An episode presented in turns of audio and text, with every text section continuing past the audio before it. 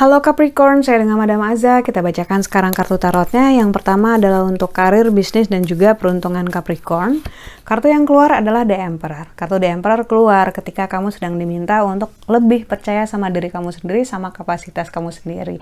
Energi Raja ini bilang bahwa masih ada hal-hal baik yang bisa kamu raih, masih banyak gitu ya. Namun yang paling utama kamunya harus percaya dulu, harus believe dulu bahwa kamu layak untuk mendapatkannya, bahwa kamu bisa mengupayakannya gitu. Karena kalau misalnya beliefnya kurang gitu jalan ke depannya pun akan lebih berat. Gimana orang bisa percaya kamu kalau kamu sendiri nggak percaya sama diri kamu sendiri gitu ya. Tapi kalau misalnya bilang bisa atau enggak madam? Ya bisa lah gitu. Energi raja ini adalah kartu yang bagus kok. Yang pada saat keluar itu sedang nunjukin bahwa hey potensi kamu itu lebih dari yang sekarang ini karena itu jangan ragu-ragu untuk mengejarnya lalu kartu untuk relasi percintaan kartu yang keluar adalah judgment ini segala unsur api ya.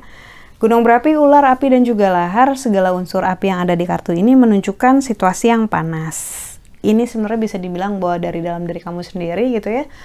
Kita harus mempertanyakan apa ada masalah yang belum selesai sampai keluar energi panas ini gitu. Misalnya kemarin lagi kesel sama pasangan tapi nggak bisa disampaikan bahwa sebenarnya saya nggak cocok loh kalau misalnya kamu ABCD gitu. Nah tapi harus belajar mengemukakannya, mengomunikasikannya, men mengomunikasikannya dengan baik gitu ya. Dan sebelum diomongin juga kita harus pikir dulu, pikir ulang. Ini relevan nggak sih kalau saya omongin? Ini cuman saya sendiri gitu yang bermasalah atau sebenarnya memang ini suatu hal yang patut untuk kita obrolin gitu ya. Tapi jangan sampai kita mengikuti ego, jangan sampai kita menuhankan diri kita sendiri tanpa sadar buat tiap orang lain juga punya ego masing-masing gitu. Kita punya kepentingan, pasangan juga punya kepentingan, keluarganya juga punya kepentingan. Kita pengen diperhatiin, kita pengen diduluin, begitu juga dengan orang lain. Jangan cuma mikir bahwa yang saya aja terus, karena kan jadinya nggak balance. Kita sendiri kalau misalnya berjalan nggak balance, nggak seimbang, pasti akan berat sebelah dan melelahkan kan? Lalu kartu nasihat yang diberikan untuk Capricorn. Kartu yang keluar adalah The Hangman. Kartu The Hangman ini menunjukkan masa-masa di mana kita diminta untuk bertahan ataupun survive saja dulu gitu ya.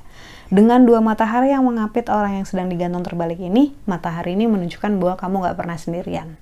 Bahwa kamu selalu ditemani, bahwa kamu selalu diberkahi, bahwa kamu segala hal yang terjadi dalam hidupmu itu adalah tanda kutip konspirasi gitu ya supaya kamu jadi lebih baik lagi, supaya kamu lebih bahagia lagi, supaya kamu lebih tenang lagi gitu ya.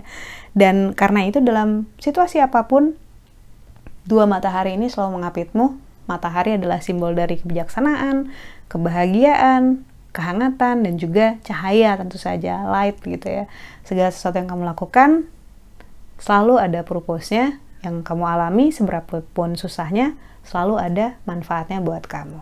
Sekian bacaannya, semoga bermanfaat. Kita doakan hanya yang terbaik saja untukmu. Semoga sehat selalu, panjang umur, kaya raya, bahagia, berkelimpahan segala hal yang baik dari Tuhan Yang Maha Esa. Terima kasih bantu saya dengan cara diklik like-nya, subscribe, share, dan juga komen.